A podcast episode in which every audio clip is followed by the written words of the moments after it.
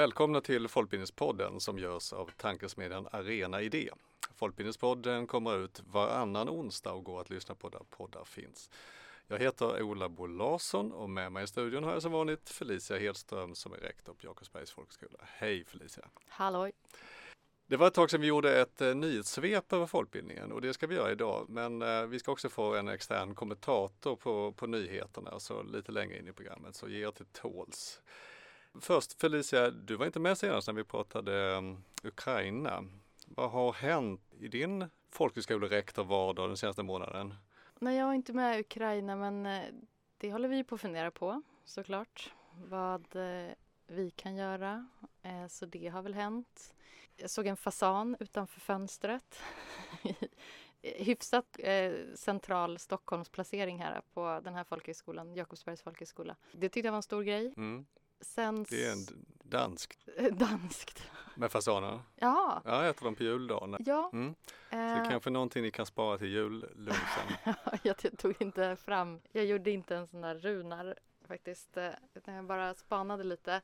Sen har jag varit på Folkbildningsrådet och varit med i en panel där vi pratat om eh, eh betydelsen av folkhögskolan för eh, engagemanget i samhället. Jag tror vi har nämnt det i podden förut. Det är en, en rapport om eh, folkhögskolan som ett mikrokosmos. En ganska häpnadsväckande studie kan man säga, eller en väldigt viktig studie för att eh, forskare då som kan påvisa att eh, deltagare som har gått inom folkhögskolan blir mer aktiva i föreningsliv eller ja, alltså man skulle kunna slarvigt säga som medborgare. Man eh, engagerar sig mer efter man har gått och att man då kan se att det faktiskt är själva folkhögskoletiden.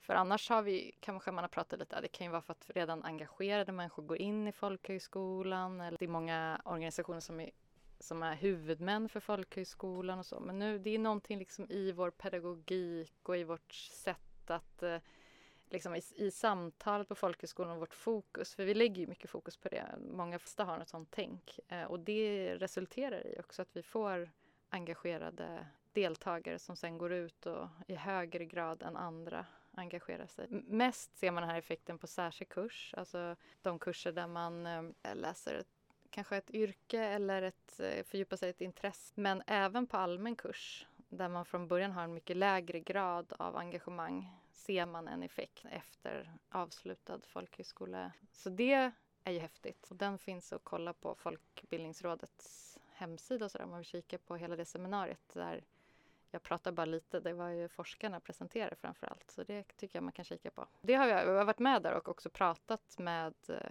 personalen på min folkhögskola kring det. För vad tror vi och varför, vad är det vi gör? Och... Vad landade ni då när ni pratade ja, om det? Ja, precis. Jag, jag, fick liksom en lista från personalen som jag tyckte den, den stämde väldigt väl överens med forskarna sa.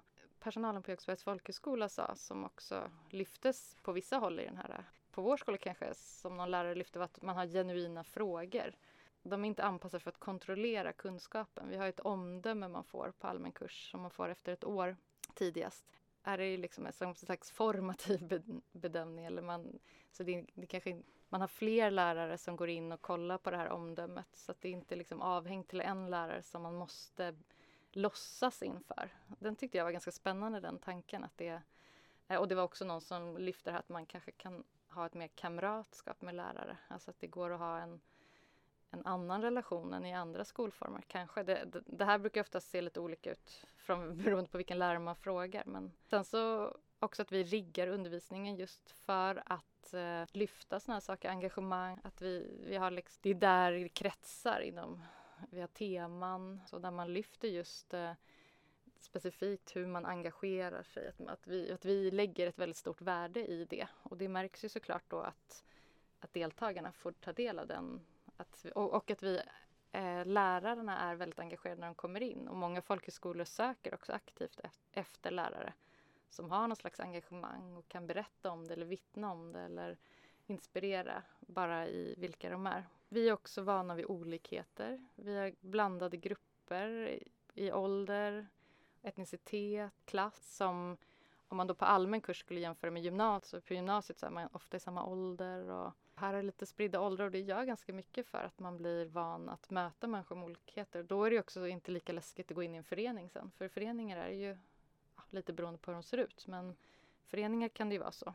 Och sen har man tid att ventilera saker. På allmän kurs kan man gå längre beroende på vad man behöver. Ja, så det var väl några av de saker som vi pratade om som eh, jag tänker att det ligger mycket sanning i. Mm. Tack, det är väldigt konkreta och bra, bra delar. Jag tänker att det här är kanske den, en av de viktigaste rapporterna på väldigt länge som ändå ger eh, någonting att eh, hålla i handen eh, i vårt annars ganska abstrakta universum vi befinner oss i.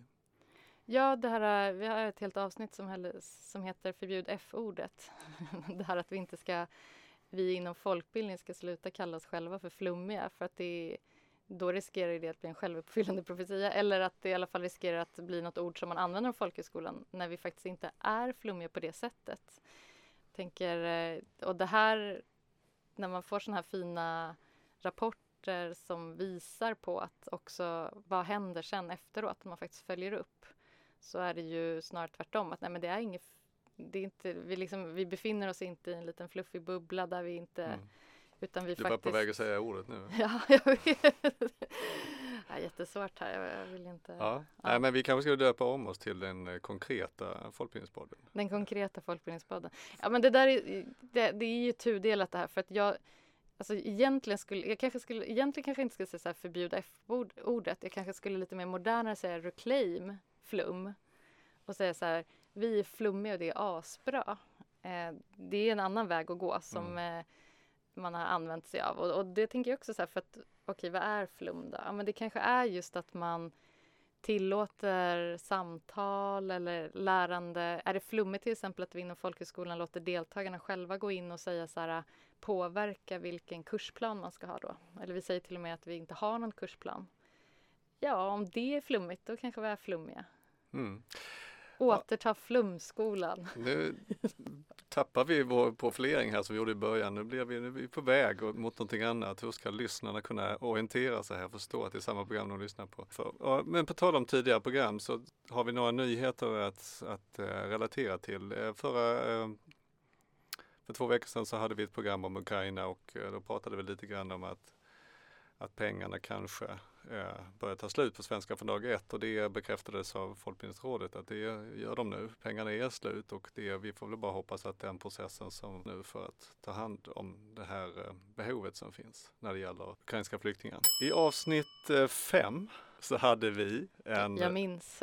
Du minns det som igår. Då hade vi besök av uh, David Samuelsson från studieförbunden. Han uh, pratade om många olika saker som hade med studieförbunden att göra. Men den här bildningsresan han talade om som var i sex olika svenska städer. Den här kom fram i början av maj till Skellefteå, slutmålet vill bara informera om detta så att alla är... Alla som sitter och undrat vad hände med resan? Ja. Kom de fram? jag, har, jag har själv funderat på varför just 6 maj i, i Skellefteå. Jag vet inte om det var semifinal mellan Skellefteå och Luleå då, att det hade någon hockeykoppling. Men det är kanske inte um, det kanske inte du varken kan bekräfta eller dementera. Jag, sporten... Eh, en liknande idé har ju folkhögskolorna haft. RIO, alltså rörelseägda folkhögskolorna och offentligägda folkhögskolorna RIO och OFI har haft politikersamtal med eh, kulturansvarig varje, på varje politiskt parti på, på nationell nivå som har fått vara med om något som heter Folkhögskolekvarten. Så den första folkhögskolekvarten med Anna-Bell Strömberg, Socialdemokraterna till exempel, kan man klicka på på Sveriges folkhögskolors hemsida och lyssna på. Ja, men jag har varit inne, jag kollade på en sån kvart och jag tyckte jag blev impad bara av att de höll en kvart. Det vet ju alla att det är jättesvårt att få ner till en kvart. Mm. Inte minst vi. Det highlightat lite av det som, om man, om man är som jag sådär som är snabb på text men har mindre tid att kolla rörlig bild så tyckte jag den var lite bra. Då, då drog, tog de ju upp lite, bland annat i Socialdemokraternas då. Socialdemokraterna har ju ett förslag om att eh, man ska kunna gå, alltså från 16 ska kunna gå in på folkhögskolan. Mm. Och sen Vänsterpartiet vill satsa mer på grundbidraget, alltså höja anslaget, statsbidraget. Folkhögskolekvarten med Vasiliki Tsoplaki från ja, Vänsterpartiet.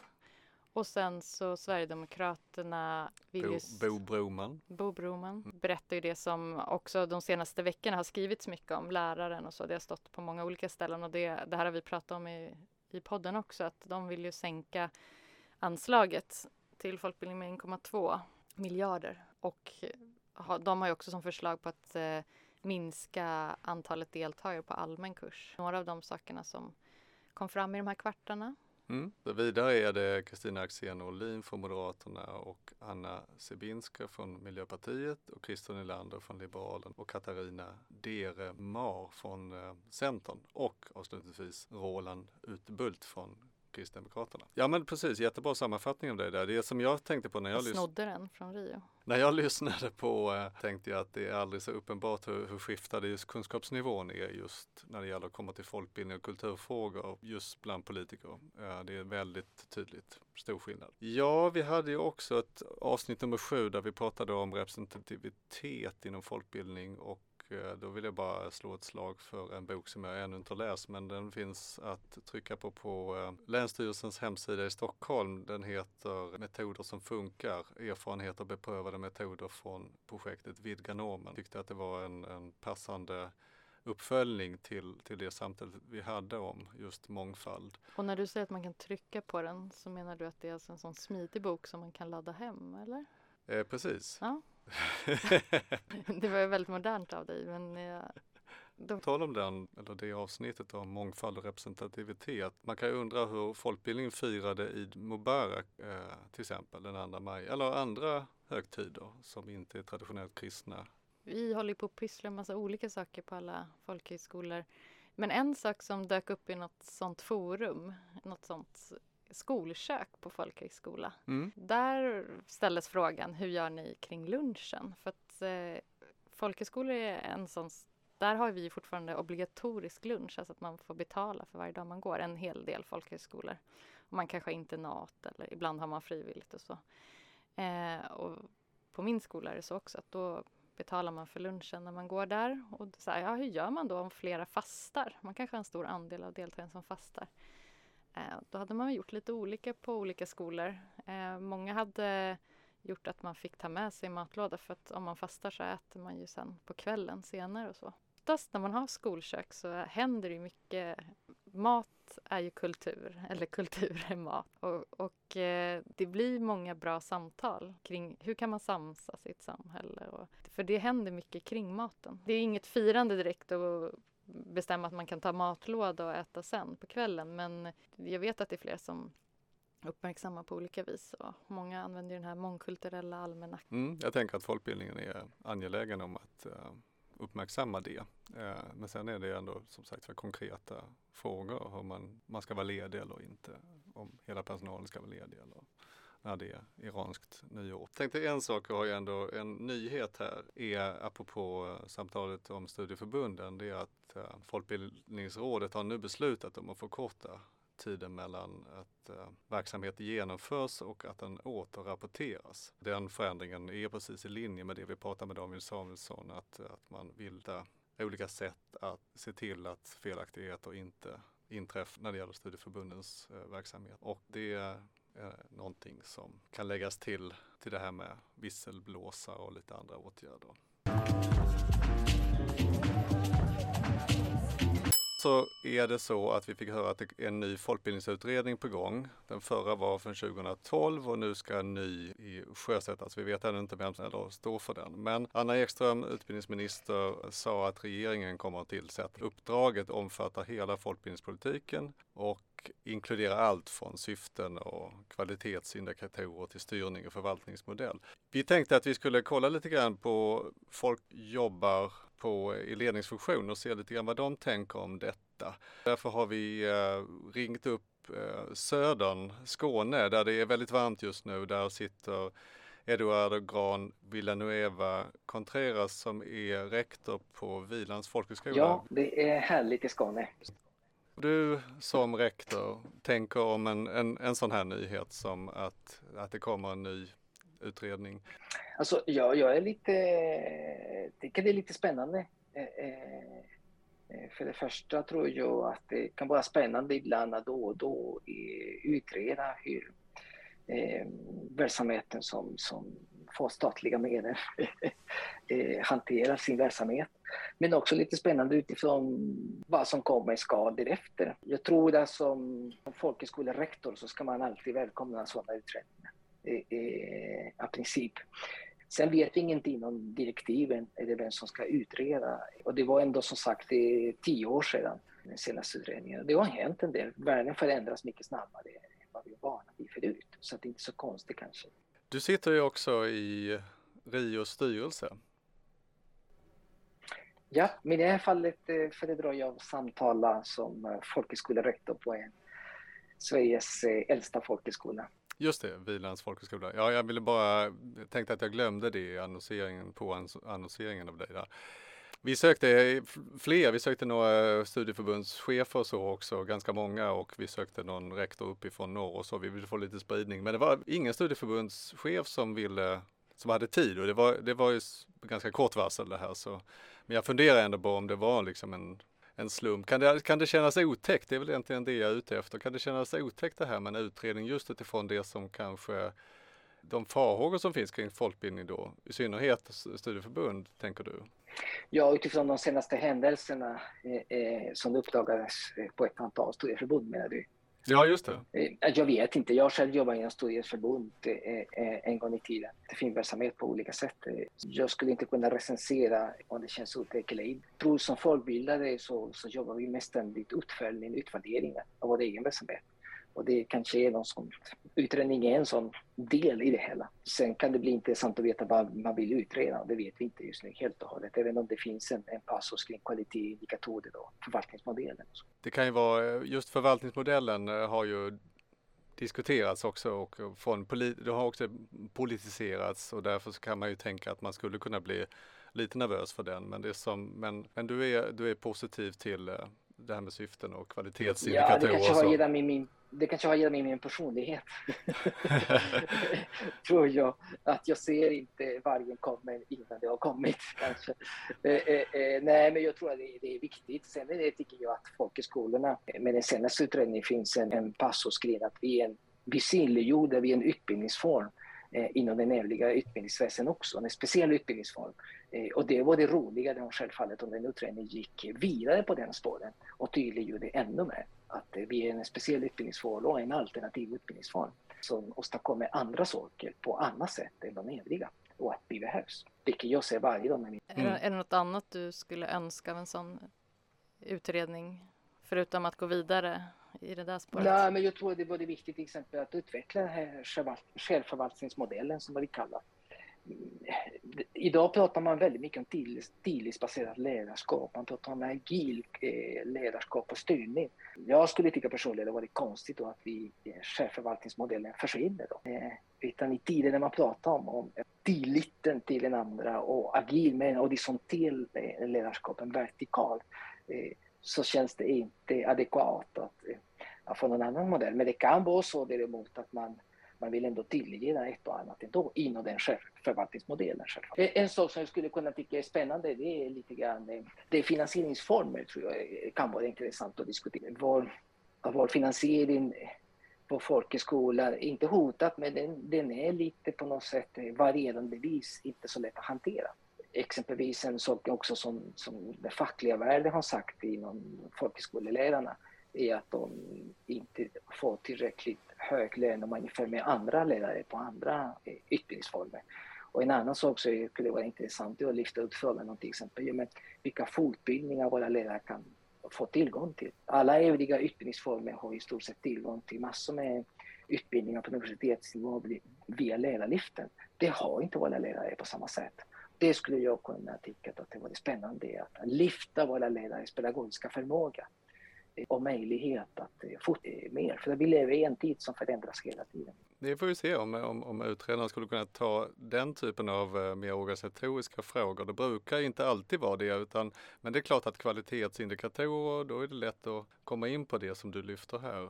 Det är spännande precis, då kan man lyfta den pedagogiska utvecklingen som en kvalitetsindikator exempelvis. Och vad behövs det för att ha en ständigt uppdaterad folkhögskola? Eh, Maria Grano på Folkbildningsrådet är också positiv. Hon välkomnar den nya utredningen. Hon, säger, hon skriver så här på, i, i nyhetsbrevet från Folkbildningsrådet att utredningen kan bidra till att förtydliga och förstärka folkbildningens roll i samhället och det är positivt att regeringen tar initiativet. Förhoppningsvis kan det också leda till en fortsatt bred politisk förankring för stödet till folkbildningen och visa att en fungerande folkbildning är viktig för ett demokratiskt och fritt samhälle. Ja, mm. ja men jag tänker att jag lite som Edvardo gick ut med att man eh, att det, jag tänker att det också ingår att man, man ska välkomna det eh, och att det är egentligen lyxigt att någon tar och liksom kollar på ens område och eh, ägnar så mycket tid åt det min käpphäst är ju lite att jag brukar tycka att det stora problemet vi har i folkbildningen är egentligen att folk inte har så bra koll på allt bra vi gör eller att vi ens finns. Att jag ofta får berätta för folk vad är en folkhögskola, vad är det för särart? Eh, och då tänker jag att sådana här utredningar lyfter ju upp frågan på agendan. Eh, och det ska man, även om det skulle kunna komma fram något som kanske känns lite jobbigt eller som man måste ta en hand om eller som man inte håller med om så tror jag att det kan vara värt det ändå för att det lyfts upp och det kommer liksom i, i, poli, an, i andra politikers medvetande. Frågan kan under ett tag debatteras kanske eller lyftas fram eller synliggöras. Så därför tänker, håller jag med. Jag tycker också att man kan bara säga så här, bra, toppen, det här är... Och det du säger är avgörande. Jag tänker att det, eh, förut var många av våra politiker eh, aktiva inom folkhögskola eller hade studerat faktiskt på folkhögskola eller varit eh, aktiva i studieförbund eller gjort en studiecirkel. Så ser inte verkligheten ut idag. Det därför kan vara utredningen ett sätt att lyfta upp frågan. Om det pratas om folkhögskola, ja men då finns vi. jag skulle vara mer orolig om man inte ville utreda oss överhuvudtaget. Om man inte var intresserad av vår verksamhet, om man inte på något sätt eh, eh, tyckte jo, men det finns någonting där, vi, vi vill titta lite mer och, och, och, vi vill kanske utveckla det. Och så. Sen tror jag det är viktigt att det, här med utredningen har stora möjligheter att också samtala med oss. Jag hoppas att den utredare som, som kommer ska besöka oss, samtala med oss eh, i folkbildningsanda eller folkhögskoleandan på något sätt. En, en pedagogik, en delaktighet i det hela tror jag kan vara spännande. Man kan ju tänka sig att de här fyra syftena är någonting som man kan titta på. Nu när jag har två rektorer med mig här i, i studion så, så tänker jag, är det någonting som ni har tänkt någon gång att ja, men det där borde vi ändra ändå eller det här kunde vi lägga till, här saknas lite grann i vår syftesstyrning av folkbildningen. Jag är lite jag, jag gillar dem. Jag tycker de är bra. Jag tycker att de, eh, de, de är liksom breda de är så pass breda att man kan lägga in egna tolkningar och så, men samtidigt så pass tydliga så att när man träffar andra folkbildare så kan man prata om dem och jämföra och lite sådär vad, hur gör ni för det här för att uppfylla det här syftet och sådär. Så, det, det, är nog lite för att jag inte har eh, hunnit tänka så mycket eller så länge på det för att jag tänker att det går, sånt går ju alltid att... Det ska vi ha för många syften. Det är lite svårt att, att, att och, och, analysera vad vi ger och inte ger. Och då sen, tro, sen tror jag många av de här syftena hänger ihop lite grann med varandra. Att minska utbildningsklyftor tror jag hänger ihop också med, med bredare den kulturella verksamheten och, och, och skapa mångfacetterad verksamhet men också på något sätt hänger ihop med den demokratiska förankringen i vårt samhälle. De ger också en viss ansvar. Alltså vi har ett visst ansvar för att jobba med de här frågorna men de ger också en stor frihet. Eh, och det, det är på något sätt balansen mellan ansvar och frihet eh, i det. På 00-talet så hade vi eh, sju fokusområden också. Jag, jag är inte säker på att de heter fokusområden men det var åtminstone sju olika eh, ytterligare delar som hälsa, hållbar utveckling och sådana saker. Men de, de gjorde att det blev rätt urvattnat. Eh, det blev för mycket. Men det är klart klimatfrågan skulle väl kunna vara en sån lobba för eller hållbarhet eller någonting åt det hållet. Nej. ja, vi har haft den diskussionen. Ja, ja, precis. Vi har haft den diskussionen och så här filat på om man skulle lägga till den. Alltså blir jag matt när man hållit på med det för att ja, måste man inte ha det om man ska ha ett demokratisyfte? Om vi inte har en planet då kan vi inte ha demokrati. Så, ja, så det, det kanske går in där ändå. Så jag och Felicia är överens i frågan tror jag. Men jag tror att den är viktig frågeställning mot för samtliga folkhögskolor och studieförbund och inte minst folkbildningen att jobba med den frågan på olika sätt. Eh, det handlar faktiskt om, om den planet vi lever i eh, eh, och som våra framtida generationer vilken sorts liv de kommer få framöver. Vi får se vem som blir utredare där och om det är kanske en klimatentusiast så får ni lite motstånd där. Tack så mycket Eduardo för att du, för att du var med. Ja, det var Eduardo det. Och eh, kan också säga att den här eh, nyheten om, ut, om Folkbildningsutredningen presenterades på Folkbildningsforum den 2 maj som, som är en, eh, en, en festlig händelse med eh, prominenta personer i, från regering och eh, Folkbildningsråd. Och Inger Asching, ordförande för Folkbildningsrådet till exempel, hade ett anförande. Christer Nylander, ordförande i riksdagens kulturutskott, hade ett anförande. Två teman fanns det också. Vägen fram för folkbildningen, tillit och engagemang är tema ett. Hur, hur låter det? Ja, synd att jag missade. det, det, det, det, blir säkert jättebra på plats. Det, vi, klart vi behöver en väg framåt. Eh, för att jag går ju rektorsprogram, det gör man som ny rektor.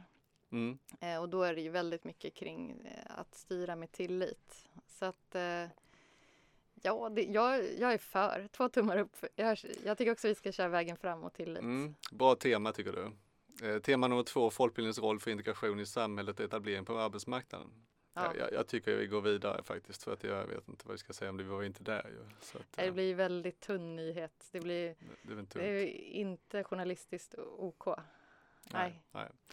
Jag kan inte säga att nästa är på den nivån heller, men det man kan säga, jag vill ändå ta upp två saker som, som Folkbildningsrådet har skrivit om på sistone och här i maj månad. Det, det ena är att och få hänvisa till den rapporten de har skrivit om folkbildningens betydelse för demokratin 2021. Det är en rapport som visar att studieförbundet folkhögskolor inkluderar olika grupper av människor och skapar mötesplatser och möten i hela landet. Och eh, man för liksom demokratiska samtal då, där deltagare får erfarenhet av att, att diskutera svåra frågor, värdera fakta, hantera olikheter med respekt och så vidare. Och då rustar man människor för ett aktivt samhällsengagemang och en ja, demokratisk fostran helt enkelt. Skriver då Folkbildningsrådet. Och jag tänker mycket på ordet demokrati när jag läser om detta. Jag tänker också mycket på folk, hur vi i folkbildningen brukar prata om demokrati. Men, men låt oss vänta med det lite grann, för det finns en annan, mer, lite, kanske lite mer tydlig nyhet här nu. Det är att eh, som där folkbildningen är en del av. Eh, för det som bara häromdagen så var det en pressträff med, med kulturminister Jeanette Gustafsdotter och integrations och migrationsminister Anders Ygeman som föreslog lite nya villkor för det statliga stödet till civilsamhälle och trossamfund. Och då ingår ett nytt demokrativillkor. Och syftet med det demokrativillkoret är att säkerställa att stödet till civilsamhället inte går till organisationer eller trossamfund som inte verkar inom demokratins ramar eller inte bidrar till ett mer öppet och jämlikt samhälle. Hur tycker du det låter? Det var ju 2019 som det kom som ett förslag och som man gjorde en utredning och som de har varit en remissinstans för det. Så då läste jag deras svar, men jag har inte läst hela förslaget. Då säger ju Folkbildningsrådet att eh, det här är ju jättebra. Vi vill ju inte att, vi vill ju bidra till demokrati. Eh, men sen så problematiserar de ändå lite. Och pratar lite om att okej, okay, men eh, man måste ändå tänka på att eh, folkhögskolorna skiljer sig åt. Och man måste ändå tänka på att eh, till exempel inom studieförbunden så är det ju jätte, jättemånga cirkelledare. Det är givet att de här måste följa ett demokratikrav men eftersom det är många tusen cirkelledare så är det lite svårt om någon liksom trampar snett så är det lite svårt att säga att man liksom på stört skulle dra in. Alltså det är kanske snarare viktigt att se vilken systematik man har om det uppdagas. Och så påpekar de också lite vikten av att man måste se att det får finnas arenor att prata om eller med odemokratiska röster kanske så. Alltså att det, så att jag tänker att det där tvärsäkra jaet som först kanske ändå inte var så tvärsäkert att man ändå vill skicka med en hel del. Man kanske får se lite var det landar sen. Liksom det man läser på Folkbildningsrådets hemsida är, säger ja och remissens svaret säger ja. Ja, i remissvaret börjar man där ja. liksom, eh, och, och, säger det. Men sen så tycker jag att om man skulle göra en sammanfattning av vad, vad man egentligen, eller liksom vad man landar i så är det lite ja. Men det är kanske inte helt uh, orimligt att känna så om man är, jobbar inom folkbildningen, att hur ska det här gå till? Nej, jag tyckte det var bra, för jag tyckte att det var lite Just för att jag kände så här, jaha, oj, vad kan det här innebära? Betyder det att vi massa saker vi inte får göra som skulle kunna och vad är demokrati och vad Alltså det väckte massa frågor så att jag tyckte mm. att det kändes bättre egentligen att läsa det där än. Mm. Att Ygeman och Gustafsdotter vill ju naturligtvis svara på den kritik som har varit och den misstro som delvis finns då mot civilsamhället. Att vi har speciellt inom vissa kretsar då att man inte är demokratiska. Det som man också i pressmeddelandet för regeringen så är det man tydligare att eh, då säger man de som utövar eller uppmuntrar till våld, tvång eller hot som diskriminerar individer eller grupper eller på annat sätt bryter mot principen om alla människors lika värde får inget stöd det är inte som att vi idag får göra lite tjolahopp tjolahej om vi pysslar med antidemokrati. Jag försöker komma på vad, det finns så mycket som motsatsen till demokrati men dålig demokrati eller? Nej men precis, jag håller, jag håller med dig om det. och det, det gör ju också att man undrar ju lite grann hur kommer det här utformas? Hur kommer det att påverka? Kommer det här betyda någonting nytt egentligen eller, eller inte? Och jag tänker att just både den här, det här nya demokrativillkoret då, men också då Folkbildningsrådets rapport om demokratin 2021, att vi är så duktiga, så, så lägger man liksom sätt utan att definiera vad, vad, man egentligen pratar om. Man, som sagt var, regeringen definierar det lite åt ett håll. Folkbildningsrådet lyfter samtalen. Men det finns ju Alltså jag har haft så mycket diskussioner när man ska definiera demokrati inte minst om man läser statsvetenskap, då ägnar man ju hela dagarna åt det. Så jag, jag kan känna mig lite bränd ibland av att ha haft sådana på arbetsplatser för att eh, man kommer inte fram till en gemensam definition. Men jag tycker det är jätteviktigt att ha den diskussionen. Alltså vad är, mm. hur ser du på det så? Men jag... Det är ju för att demokrati betyder 10-12 olika saker. Jag vet, jag blir, så då måste man ju bara säga, det enda jag hävdar är att vad är det för demokrati ni pratar om nu då? Säg det. Och så använd inte demokratibegreppet på det sättet som man gör här i de här två, den ena rapporten och den andra lagändringen. Det är min eh, så invändning. Du tänker att om man hade två meningar som definierar demokratin, då är vi i hamn? Vi är tvungna att göra det faktiskt. Ja. Nej, men jag menar, vi pratar vi ofta så pratar man också i folkmun liksom parlamentarism. Det är det man menar med demokrati eller parlamentariskt system som har liksom en maktfördelning mellan lagstiftande och dömande instanser. Eller man pratar om eh, ibland på en arbetsplats om den är metoder för delaktighet och så menar, pratar man, så använder man ordet demokrati. Eller som det här demokratiska samtalet eller mänskliga rättigheter. Och ibland menar man att det ska vara jämlikhet eller solidariskt beteende, lite olika delar helt enkelt. Och, och du var inne på tillit tidigare, det är ett modernt sätt att definiera demokrati idag. Att man har en tillit, en liten nyfikenhet på människor emellan och så. Ja, och medborgarskapet nämnde du Och så där kan vi hålla på. Ja, jag tänker på den här demokratiutredningen senaste som kom. Mm. Jag beställde den. Den var ju jätte, jätte, jätte, jättetjock. Mm. Så tjockt tänker jag att det blir om, man, om man ska prata om det. Jag har inte något jättebra alternativ till det för att eh, det känns ju väldigt antidemokratiskt att säga att man inte ska definiera det. Men svårt. Mm. Jag blir väldigt matt i kroppen känner jag. Det var precis det jag ville hävda här. Att vi, vi, får, vi får se vart det hamnar. Man kan egentligen inte uttyda någonting av det. Ja, det var en slags nyhet det också. Men eh, jag tänker att eh, det börjar lida mot sitt slut här. Det är snart sommar. Sommaren kommer, sommaren går. Men snart är den här på riktigt. en sista nyhet som jag läste på... på eh, blir det vädret nu? nu blir det vädret. Att folkhögskolornas sommarkurser har blivit fler än tidigare. Jag undrar om det stämmer. Jag tror det är en corona... Du tror att det stämmer? Ja, ja, ja. Och jag... du har hört det från dina kollegor och så att det, den här sommaren ja, Det här kommer... är liksom en lilltåskänsla. Att eh, Alltså för att det är också sådana seniorkurser är många väldigt sugna. Alltså att det mm. finns ett uppdämt behov på samma sätt att eh, konferensanläggningar är fulla och allt sånt utöver grejer. Så att jag tycker att det går i linje med det. Mm. i samhället. Så att jag är inte alls förvånad. För att nu, nu vill vi ut och göra grejer. Jag tror att det är liksom, den mm. här sommaren kommer explodera i det. Lite, vi skulle ju ha det glada 20-talet. Det var ju det som var snacket och sen så blev det krig mm. i Europa. Mm. Eh, och då tänker jag att ja, men då hejdar sig alla lite och så bör man... Den här sommaren kanske man kan tänka att det är en liten... Man kan få gå en akvarellkurs i alla fall. Mm. Eller en prepperkurs. Eller en prepperkurs, ja. Nej, men då har vi slagit fast att vi har en tydlig tendens att det ökat antal sommarkurser på folkbildningen, framförallt folkhögskolor i sommar. Och med det säger vi tack och hej för idag. Tack och hej för idag. Hej då.